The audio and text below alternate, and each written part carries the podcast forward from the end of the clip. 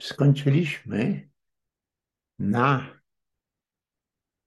okresie dwóch, dwóch kolejnych e, przywódców księstwa moskiewskiego, Wasylu I, Wasylu II, dotarliśmy do e, syna e, Wasyla, a mianowicie do Iwana III, który ma szczególne miejsce w historiografii i rosyjskiej, i ukraińskiej. Jest to przywódca księstwa moskiewskiego, który miał wyrwać y, to księstwo, ale nie tylko to księstwo, tylko wszystkie księstwa zaleskie spod władzy Tatarów, y, y, władzy Złotej Ordy. Historycy rosyjscy, a zaczęło to się dopiero w wieku XIX, właściwie przed wiekiem XIX, trudno jest mówić w jakiejkolwiek historiografii rosyjskiej. To państwo od, od, Piotra od czasów Piotra Wielkiego nazywało się Rosją, wcześniej nazywało się Wielkim Księstwem Moskiewskim. I właśnie Iwan III miał stworzyć to Wielkie Księstwo Moskiewskie, które wyrwało Zalesie spod władzy tatarskiej. E, władza tatarska była już słaba, byli podzieleni, kłócili się z sobą, walczyli i tak dalej, także łatwo było się wyrwać i się, i się wyrwali. I to wyrwanie spod władzy tatarskiej e, zostało jeszcze przez e, Iwana III, zostało jeszcze dokończone czy pogłębione przez jego syna Wasyla III, ojca, ojca, Iwana Gryźnego. Jest to po prostu nieprawda. Jest to po prostu nieprawda, ponieważ jeszcze w swoim testamencie Iwan III, który umarł w roku 1505 e, Iwan e, parę miesięcy przed śmiercią napisał testament i w tym testamencie e, pisze po prostu, że płaci i, i, i należy to nadal robić, że płaci Tatarom że płaci Złotej Ordy. Ta Złota Orda się zresztą nazwała wtedy Wielką Ordą, ale w każdym razie była ta sama Orda tatarska, taka orda, która miała podległe, Wielka Orda miała podległe ordy, że opłaca to, co się należy Tatarom, ponieważ e, Tatarzy są jego władcami. Co więcej, jego syn, a nawet początkowo jego wnuk, też płacili Tatarom. I teraz, co za niepodległe państwo, które ma nad sobą jak, jak, jakąś inną władzę i, ta, i, i tej władzy musi płacić pieniądze. I to wysokie pieniądze można powiedzieć tylko, e, że w czasach Iwana III samodzielność państwa moskiewskiego, księstwa moskiewskiego, ta samodzielność była większa. Ona była większa nie dlatego, e, że ona została e, wywalczona przez E, ludzi z Zalesia, czy, czy z księstwa moskiewskiego, czy z innych, nie dlatego, że ona była wywalczona, czy coś. E, ta, e, ta władza była słabsza, ponieważ ta władza sama z sobą Tatarzy sami z, z Tatarami, ale także niektóre Hanaty te y, drugiej klasy z tym Hanatem centralnym, Złotą Ordą, e, były w konflikcie, w wojnie i tak dalej. To, o, jeśli y, do y, czarnej śmierci, jeżeli do zarazy, która przeszła prze, także przez i przez, przez Zalesie i przez kraje tatarskie. Ona po prostu siłę tego państwa tatarskiego bardzo, bardzo, bardzo tą siłę zmniejszyła. Zamiast silnego jedynowładcy, który był jakby konieczny dla Tatarów, do tych chętnych na jedynowładztwo było zbyt wielu, toczyli zbyt wiele, wiele walki, to po prostu powodowało, że ich wpływ na księstwa zaleskie nie był tak, tak duży jak przed czarną śmiercią. E, był po prostu łagodniejszy, ale Tatarzy pieniądze brali, ale Tatarzy wydawali polecenia. A i, i, i Iwan III także to robi. I to jest pierwsza, pierwsza taka kwestia w historiografii rosyjskiej, która jest bardzo obszerna, ale XIX-wieczna i później, a nie wcześniej, wymyślili sobie, że taki potężny kraj jak Rosja nie mógł słuchać jakichś Tatarów. Że, że oczywiście oni, oni, oni musi, że musieli e, być e, ta Moskwa, bo jeszcze nie, nie Rosja, ta Moskwa musiała być silniejsza. I wysuwano to naprzód. Wysuwano także naprzód, że była to przede wszystkim zasługa Iwana III. Jeżeli chodzi o zasługę Iwana III, to ona wyglądała bardzo rozmaicie.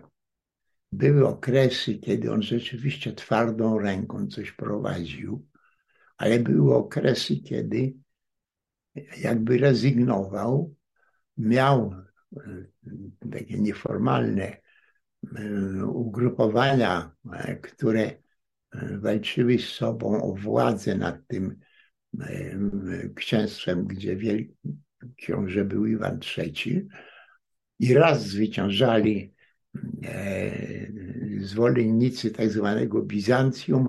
Bizancjum już było panowane przez Turków, już nie było Bizancjum, tylko Stambułem, ale e, oni jakby e, e, tą tradycję Bizancjum podtrzymywali i, i, i przynajmniej tutaj na Zalesiu jako, jakoś się rozwijali. Drudzy, na przykład drugie silne ugrupowanie, to było ugrupowaniem polityczne, e, które e, uważało, że e, Ruś Moskiewska powinna nie kłócić się, tylko mieć dobre, bliskie stosunki z, z Wielkim Księstwem Litewskim. Były jeszcze inne, mniejsze grupy, o których oddzielnie może powiemy. I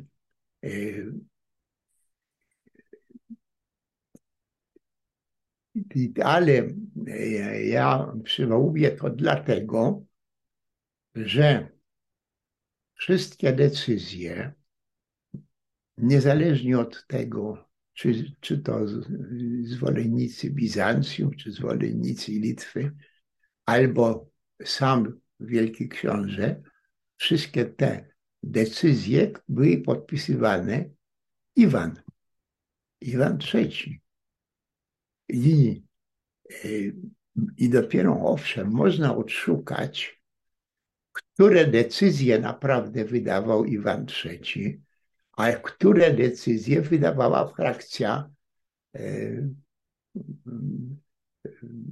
bizantyjska albo litewska, albo jeszcze tak zwana sekta żydowska. Sekta żydowska miała z Żydami tylko to wspólnego, że pojawił tam się głośny jeden, jeden Żyd i nic więcej.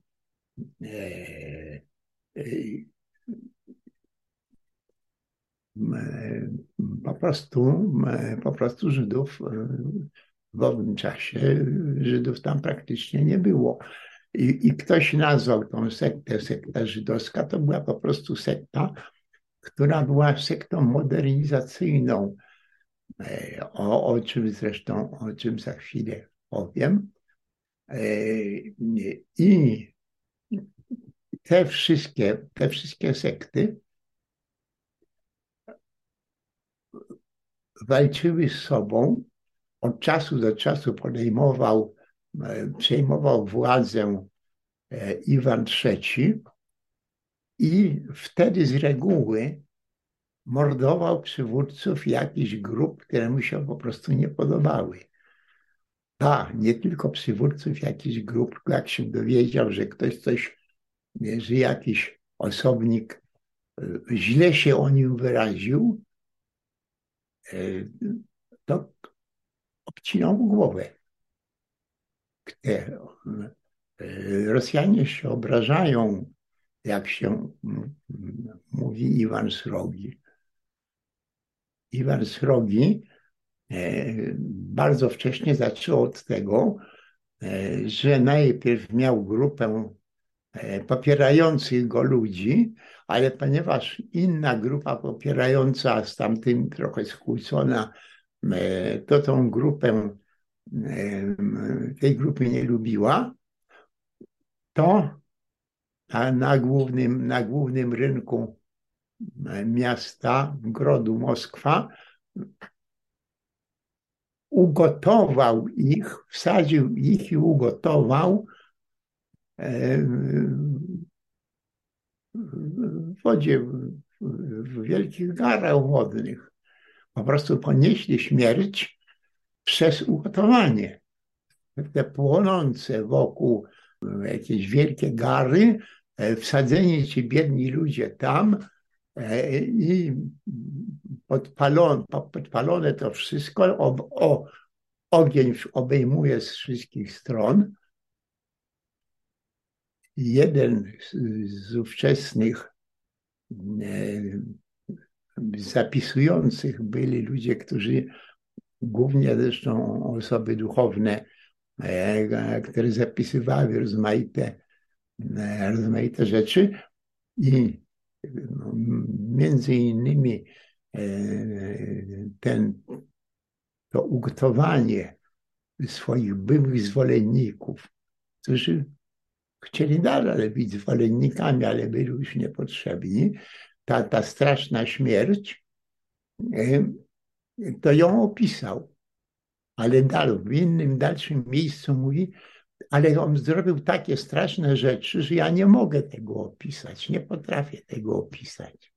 To znaczy samo ugotowanie czterech, czterech mężczyzn w środku Moskwy E, to było łagodne.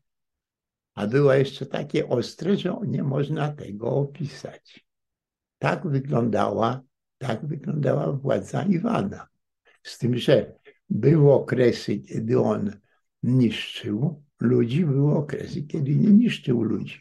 Stąd, e, stąd wymyślona przecież nie przez późniejszych historyków, tylko wcześniej to określenie Iwan Srogi. No Iwan Srogi, Iwan Okrutny, tych określeń było tam bardzo dużo. Natomiast jak wyglądała, bo to jest, to jest rzecz ważna, jak wyglądała Ruś, ta Ruś Zaleska później nazwana Rusią Moskiewską, jak ona wyglądała etnicznie. Tutaj przeprowadzono bardzo szczegółowe badania i wnioski są raczej przekonywujące. I podział, pochodzenie ludności na Zalesiu było pochodzeniem następującym. Pięć części to są rozmaite ludy azjatyckie, e, które w pobliżu bytowały. To są po prostu Azjaci. Czystej krwi. I to jest pięć szóstych. Jedna szósta to są Słowianie, to są ludzie, którzy przybyli z zachodu, czyli z Rusi e, kijowskiej, w jakiś sposób przejęli jakby władzę, tylko że musieli się liczyć z tą większością, która była e, większością nieeuropejską. E, za czasów, e, zwłaszcza Wasyla II, który to robił w sposób no, bardzo taki zorganizowany, osiedlał, osiedlał w Moskwie, w księstwie moskiewskim, osiedlał Tatarów. E, e, Tatarzy byli władcami państwa e, tej, tej złotej ordy, do której należała, przynależała, te księstwa zaleskie przynależały, to Tatarzy byli ich zwierzchnikami. Tatarzy pojawiali się w tym mieście, w tych grodach, które tam były, tylko wtedy, kiedy trzeba coś zrabować, kiedy trzeba coś zamordować, kiedy trzeba e, wybić nieposłusznych, którzy się buntowali i tak dalej. E, albo, albo, albo po prostu trzeba tylko obradować. I to tak mniej więcej, mniej więcej co 20 lat najazd był tatarski przez, przez całą historię tej Rusi Zaleskiej, e, państwa zaleskiego, bo to słowo już nawet nie bardzo pasuje, to e, przez tą całą historię to te, tego rodzaju takie po prostu zbrodnie na miejscowej ludności Tatarzy popełniali średnio raz na 20 lat. A w międzyczasie to tylko takie drobne. No, przyjechali, e, spodobał się e, jakiś dom, no to wymordowali mieszkańców i dom, dom sobie zajęli, że jak przyjadą drugi raz, będą mieli gdzie mieszkać. Wasyl II doprowadził do czegoś innego. Doprowadził do tego, e, że ściągał Tatarów, żeby byli na miejscu, żeby nie wracali do siebie, nie, nie przyjeżdżali tylko mordować, ale żeby po prostu byli częścią, częścią ludności. Nie przeszkadzało to, że oni z jednej strony mówili językiem, może inaczej, z jednej strony przyjęli władzę, przyjęli wiarę prawosławną, a wiara prawosławna, która była, uczono ich językiem cerkiewno-słowiańskim i nauczono ich posługiwania się językiem właśnie e, takim, jaki, jaki był w kościele prawosławnym. Ten kościół prawosławny dość długo E, dość długo e, był zbliżony do e, do całego, całego tego obszaru Rusi, całego, całej Rusi, ale w pewnym momencie doszło jeszcze przed przyjęciem władzy przez Iwana III, kilkanaście lat przed upadkiem e, Konstantynopola, e, ja o tym wspominałem wcześniej, e, była po prostu Unia Florencka, zawarto Unię, tak zwaną Unię Florencką w Rzymie i wszystko to podporządkowano papieżowi. Mnisi z Konstantynopola, niedługo już był Konstantynopolem i stał się Istambułem, to mnisi z Konstantynopola, ale także mnisi, e, zwłaszcza z Zalesia, e, uznali, e, że jest to niemożliwe. Stworzyli dopiero wtedy, w czasach Wasyla II, stworzyli własny kościół, który był kościołem w znacznej mierze przejmującym rozmaite no, przesądy, zwyczaje i tak dalej, po prostu pogańskie. Duchowni byli jakoś przygotowani do tego, tworzyli ten, ten oddzielny kościół, ale równocześnie byli święci pustelnicy, którzy uczy, uczyli chrześcijaństwa nie z książek i nawet nie z pamięci, tylko z tego, co im się wydawało trafne i słuszne.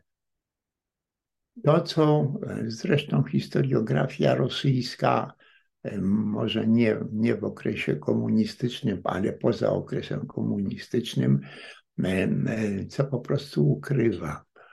Po momencie, kiedy próbowano, że tak powiem, stworzyć jedność katolicy chrześcijaństwa po właśnie soborze, to wtedy oni to jakby wykorzystali i stworzyli tą Rosję, to ten, ten, ten, ten późniejszy rosyjski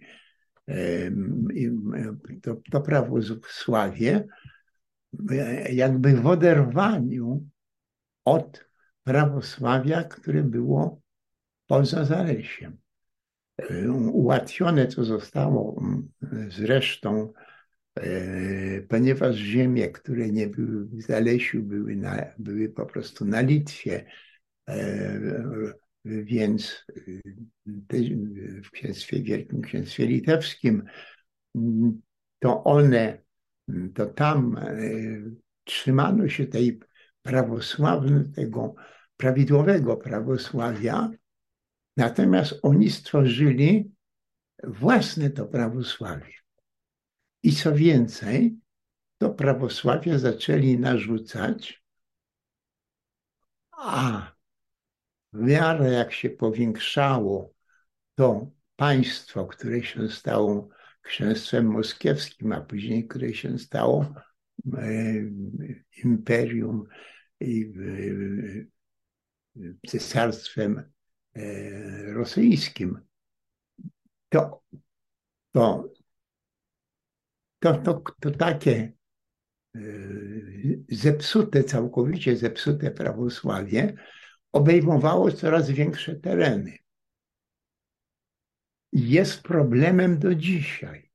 Tylko, że ten problem do dzisiaj, no może e, obecna wojna e, pomaga, żeby to jakoś rozwiązać, ponieważ to prawosławie, które miała przede wszystkim, które było w Moskwie, E, głównym takim ośrodkiem e, cerkwi prawosławnej na Zalesiu e, bardzo szybko stała się Moskwa, gdzie wszystkie były dla niej jakieś korzystne warunki.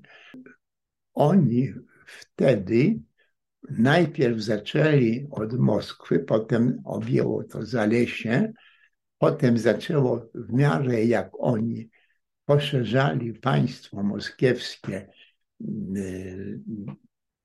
to w granicach tego państwa moskiewskiego, jak przyszło, przyszło cesarstwo rosyjskie, to w granicach cesarstwa rosyjskiego, ale jak e, cesarstwo rosyjskie e, e, weszło już w główny, stało się główną potęgą Europy, to wtedy prawie całe, prawie cały, e,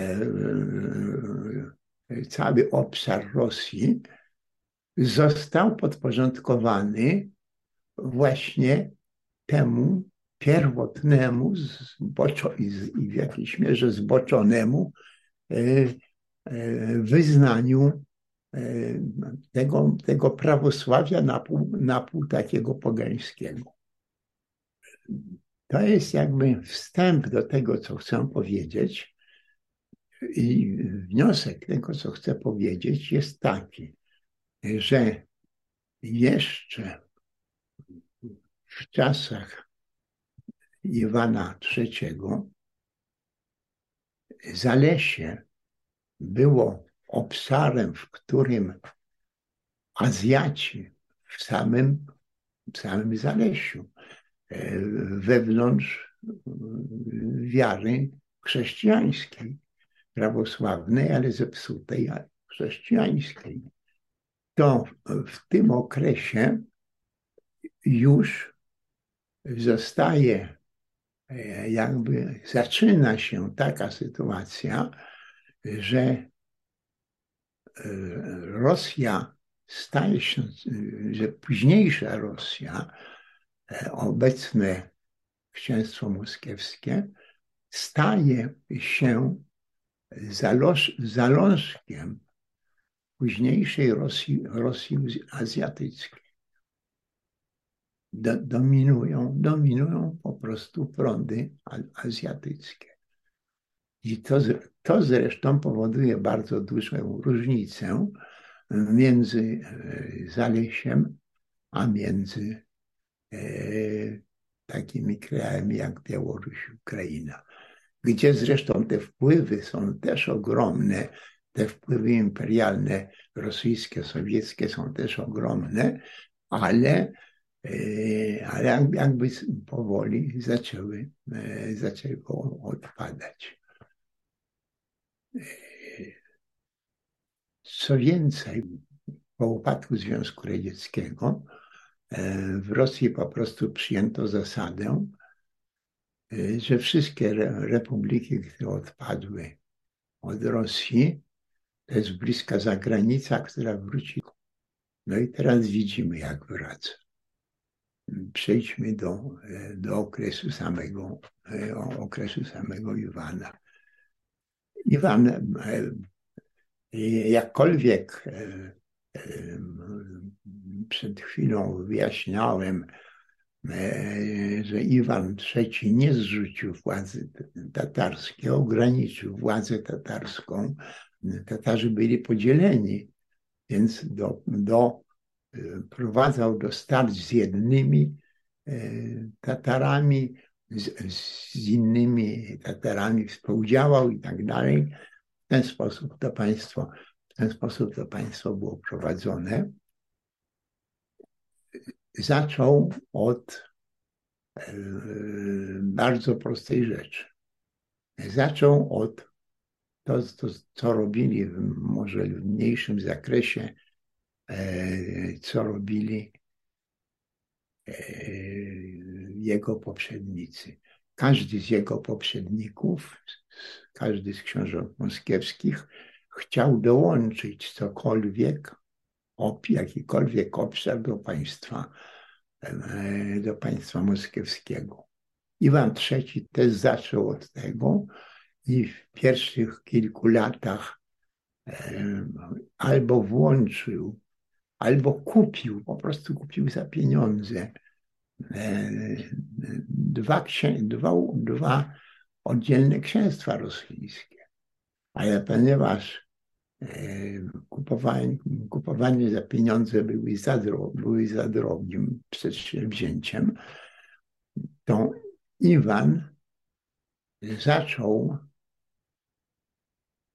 poszerzał tą e, wielkości zaatakował Nowogród Wielki. Nowogród Wielki był republiką miejską.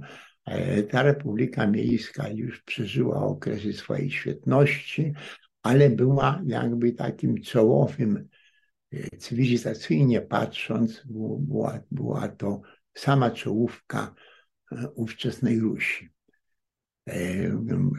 Rządzona zresztą przez miejskich od notabli, nie przez bojarów, którzy posiadali jakieś majątki na wsi, ale równocześnie był, był, było, było to państwo, miasto, państwo, które było w istocie najbogatsze. Nie, nie leżało na Zalesiu, leżało, leżało na przedpolu Zalesia wokół Nowogrodu Wielkiego i Iwan III w dwóch wojnach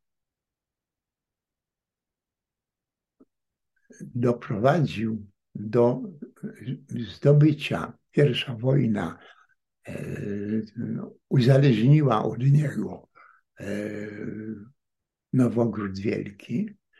E, druga, druga natomiast wojna w sposób niesłychanie brutalny. Pierwsza też oczywiście była brutalna, ale nie w takim stopniu. W rezultacie pierwszej wojny Nowogród Wielki stał się podległy Moskwie, ale jeszcze miejscowi rządzili. Miejscowi, którzy musieli uznać władztwo Moskwy, ale oni rządzili tym miastem. Wprawdzie już po pierwszej wojnie z Nowogrodem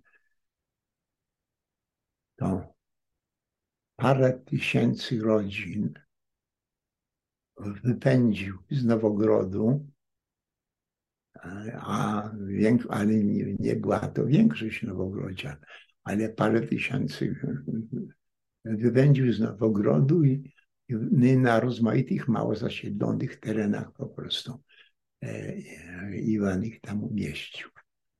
Natomiast druga wojna, która się, gdzie zresztą się Nowogród Wielki próbował zbrojnie bronić, ale, ale przegrał.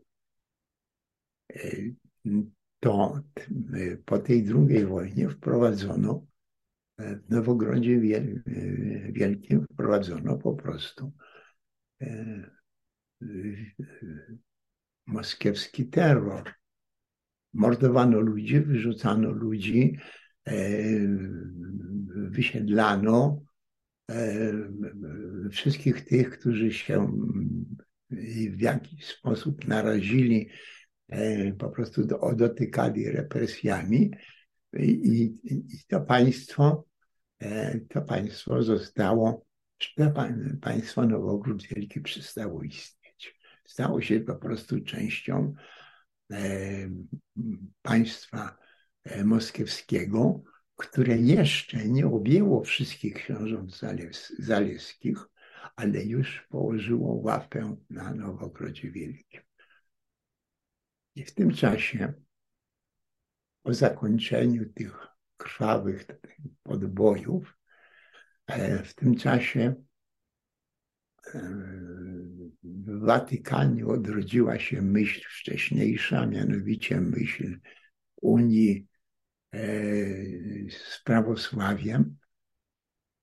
I, i, i papież, który opiekował się siostrzenicą ostatniego e, cesarza e, Bizancjum, zresztą który zginął już w tej ostatniej obronnej, obronnej walce Bizancjum, e, doprowadził do tego, że Zoe, Zoe, czyli Zofia, ale używała greckiej, greckiego imienia Zoe. Zoe Paleolog została żoną Iwana III, który był niepiśmienny, który był dzikusem, który był mordercą i tak dalej. I i tutaj zaczyna się okres, który jest w tej chwili ukrywany, ale nie, nie, nie, nie, nie od dzisiaj, tylko od dziesiątków, czy nawet od 200 lat.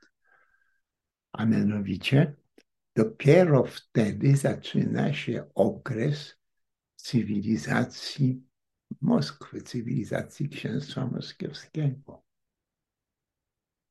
Ponieważ Zoe Paleolog przyjechała z bardzo bogatą, bardzo bogatą świtą, która składała się głównie z architektów, z muzyków, z malarzy, z pisarzy, e, z poetów. E, nie wiemy nawet dokładnie, e, jak to wszystko wyglądało, natomiast ona nagle zaczęła europeizować Ruś Moskiewską, poczynając od tego, że, że wprowadziła obyczaje na samym dworze moskiewskim, gdzie traktowano e, wielkiego księcia jako, jako półboga niemalże, e, gdzie wprowadzono całą hierarchię rang i tak dalej, ale równocześnie e, zaczęto budować i coś, co stoi do dzisiaj, to znaczy Kreml moskiewski ten Kreml moskiewski, który jest mm, no, taką e, rosyjską, Rosji, pokazem rosyjskiej kultury, tylko że była to kultura grecko-włoska. Z Konstantynopola uciekli do Rzymu. W Rzymie się Zoe, paleolog, wychowała i to, co się nauczyła w Rzymie, zresztą w znacznej mierze pod opieką papieża, to nagle tą, tą cywilizację przez pierwsze 10 lat, bo później zaczęło to się łamać, zaczęła budować. Nie znamy do dzisiaj wszystkich szczegółów. Wiemy na przykład, że są poezje i te wszystkie poezje są przypisywane jednej osobie. Są to poezje na wysokim poziomie europejskim. Właśnie e, e,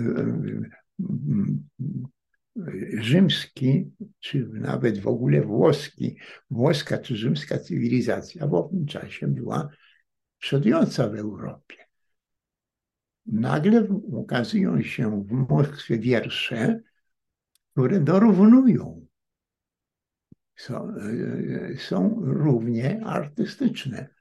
I teraz prawdopodobnie no, wszystkie je przypisuje się jednemu człowiekowi, prawdopodobnie było ich kilku.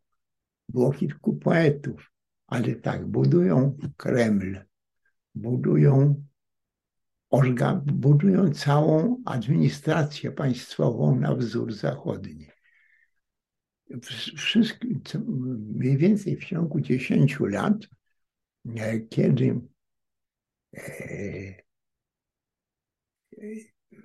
po pierwsze Iwan jej nie przeszkadzał, e, po drugie dość długo nie miała syna, więc nie musiała się martwić o następstwo tronu, a jak nie ma syna, to nie ma następstwa tronu. I, ale w związku z tym nie jest niebezpieczna dla konkurentów. Konkurenci, którzy chcieliby mieć w rodzinie następcę tronu, no to, to oczywiście zwalczali się nawzajem.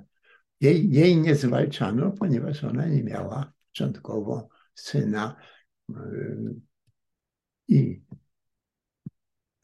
ale natomiast cywilizowała, cywilizowała tą całą Rosję. I była jeszcze, była jeszcze jedna kwestia, że w tym pierwszym okresie swoich rządów Iwan III, po, po, poza tym, że e, jakieś księstwa kupił albo, albo uzyskał w inny sposób e, na Zalesiu no i, po, i uzyskał Nowogród, to nie bardzo mógł uzyskać cokolwiek więcej, ponieważ w stronę tatarską, z Zalesia w stronę tatarską nie mógł rozwijać swojego, swojego państwa, ponieważ tam już były tereny tatarskie. Natomiast nie mógł rozwijać swojego państwa także na zachód, Z bardzo prostej przyczyny, która może zaskakiwać. Władca Polski, Kazimierz Jagiellończyk, po swoim starszym bracie Władysławie Wartyńczyku przejął najpierw był wielkim księciem litewskim, a potem także równocześnie królem polskim i jako król polski potrzebował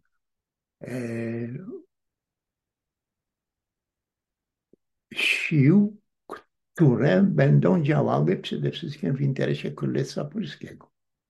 Ci ludzie z Wielkiego Księstwa Moskiewskiego niszczyli Nowogród Wielki, to Nowogrodzianie zwracali się do e, Kazimierza, żeby ich ratował. Natomiast Kazimierz po pierwsze ich nie mógł ratować, a po drugie nie miał możliwości, żeby ich ratował. Prowadził kilkunastoletnią wojnę z zakonem krzyżackim, którą wygrał. E, tą rozbudował bardzo wewnętrznie i część polską, i część litewską. To były przecież dwa, e, dwa różne e, kraje, ale on był tu i tam władcą, ale bardziej był skupiony na, na, na Polsce niż na e, Wielkim Księstwie Litewskim i, i nie mógł być dobroczyńcą wszystkich, wszystkich naokoło. Stąd, stąd na przykład historiografia, część przynajmniej historiografii rosyjskiej, zarzuca mu, że nie pomógł, że nie pomógł Nowogrodowi Wielkiemu, mimo że Nowogród Wielki o tą pomoc prosił. Nie, nie pomógł z dwóch względów.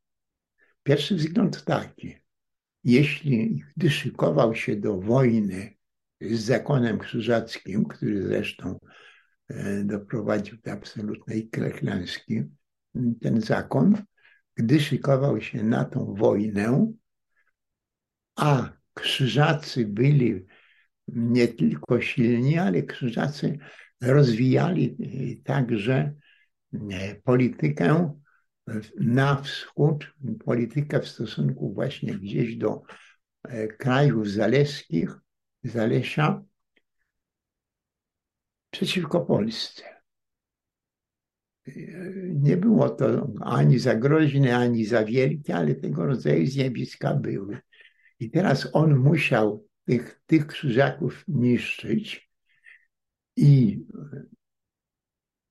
zawarł jeszcze z Iwanem, zastawał jeszcze z Wasylem II porozumienie. I to porozumienie podzieliło odpowiedzialność za te ziemie, które nie były ani moskiewskie, ani polskie. I teraz tak, w, w, w, traktat został podpisany w roku 1949. I po roku 1949 był ciągle ważny. W związku z czym możliwość działania e, Kazimierza e, na, na, na wschód, na zewnątrz była po prostu ograniczona. Natomiast e, historiografia rosyjska widzi tutaj coś innego. Obiecywał pomoc, nie pomógł. Zarzuca mu jakąś taką historię. To jest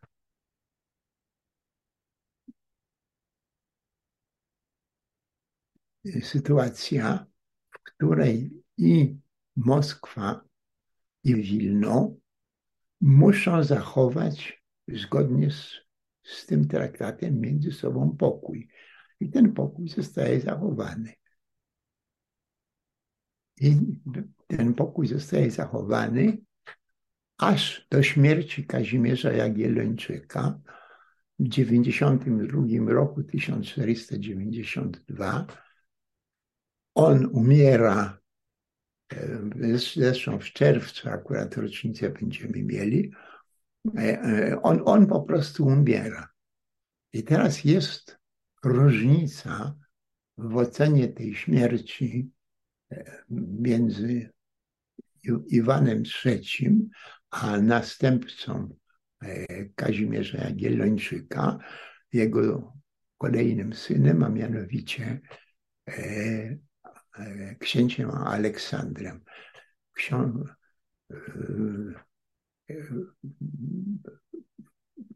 To jednolite państwo Kazimierza, Kazimierza e, Jagiellończyka, które obejmowało i koronę, i, i, i Wielkie Księstwo Litewskie, ono zostaje podzielone.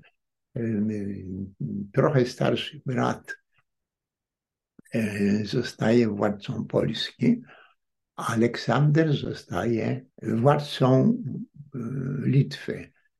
E, różnica między e, Jan Olbracht staje na czele Królestwa Polskiego, król Jan Olbracht, wielkim księciem litewskim zostaje Aleksander.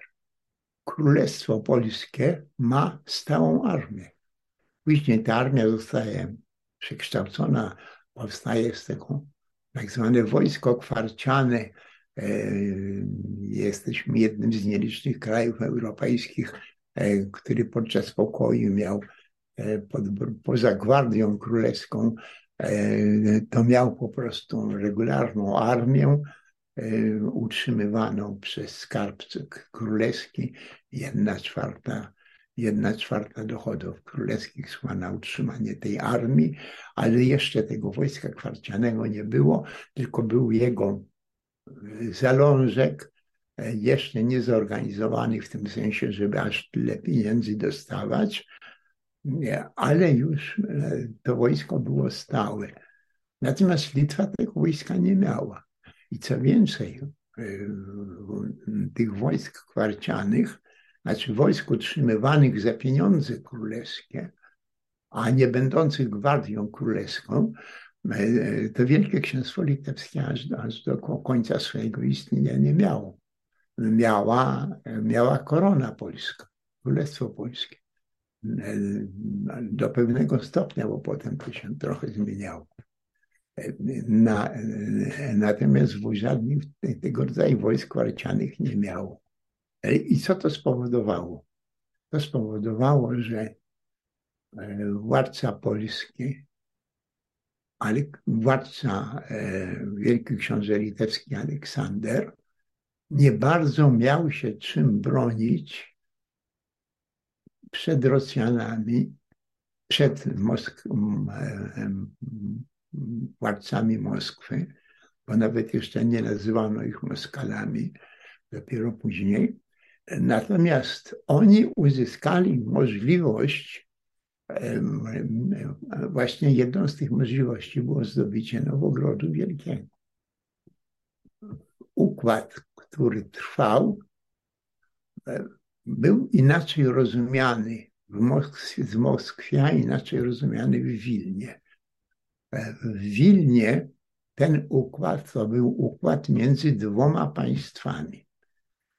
I póki te oba państwa istniały, i, i nie, nie, nie, nie zrezygnowały z pokoju, nie zrezygnowały ze współpracy i tak dalej. I po prostu były sąsiednimi krajami, to e, ten układ to zapewniał, ponieważ było to między dwoma państwami. Natomiast e, na, na w, Mos w księstwie moskiewskim była metoda nie e, układu między państwami, tylko była metoda zapożyczona od Tatarów, że wielki książę zawiera układ i jeżeli go nie zerwał, to do śmierci, jego śmierci, ten układ obowiązuje. I e, wtedy w sytuacji polsko, polsko e, w tej sytuacji powstała, e, powstał taki kłopot. Dla Polaków, dla, przepraszam, dla Litwinów dla ludzi z Wielkiego Księstwa Litewskiego, dla władcy, dla, dla Wielkiego Księcia Litewskiego Aleksandra, to porozumienie pokojowe trwało, ponieważ porozumienie państwo, państwo musiało je wypowiedzieć. Natomiast dla e, władcy Moskwy, dla Iwana III, to śmierć partnera oznaczała koniec sojuszu. To był jeden element, który był na wstępie, a drugim elementem było coś innego. Władca Moskwy czuje się zwolniony z obowiązku traktatowych, z obowiązku traktatu z Litwą i może działać zbrojnie także na tych obszarach, które oni przedtem podzielili. Nowogród Wielki zresztą trafił do, do e, moskiewskiego państwa, natomiast e, były także takie ziemie, które e, drobne takie księstwa, które w zasadzie powinny być, zostały w tym układzie przydzielone do Królestwa Polskiego. One były samodzielne. Ale one, tak samo jak Nowogród Wielki, do pewnego czasu był samodzielny, tylko był w innej strefie wpływów. W związku z czym Aleksander, który zresztą prawie nie miał armii, Aleksander nie mógł bronić swoich obszarów, a e, Iwan III mógł na nie nacierać. I, na, i, i nacierał nie tylko, tak jak przedtem, na, no, miał już objęty Nowogród Wielki, tylko zaczął przejmować ksiąstewka, które leżały między księstwem moskiewskim a Wielkim Księstwem Litewskim które były samodzielne, które się oczywiście były samodzielne, ale się obronić nie mogły i zaczął przejmować te książki. E, e, e, wszystko to, wszystko to złożyło, stworzyło taką sytuację.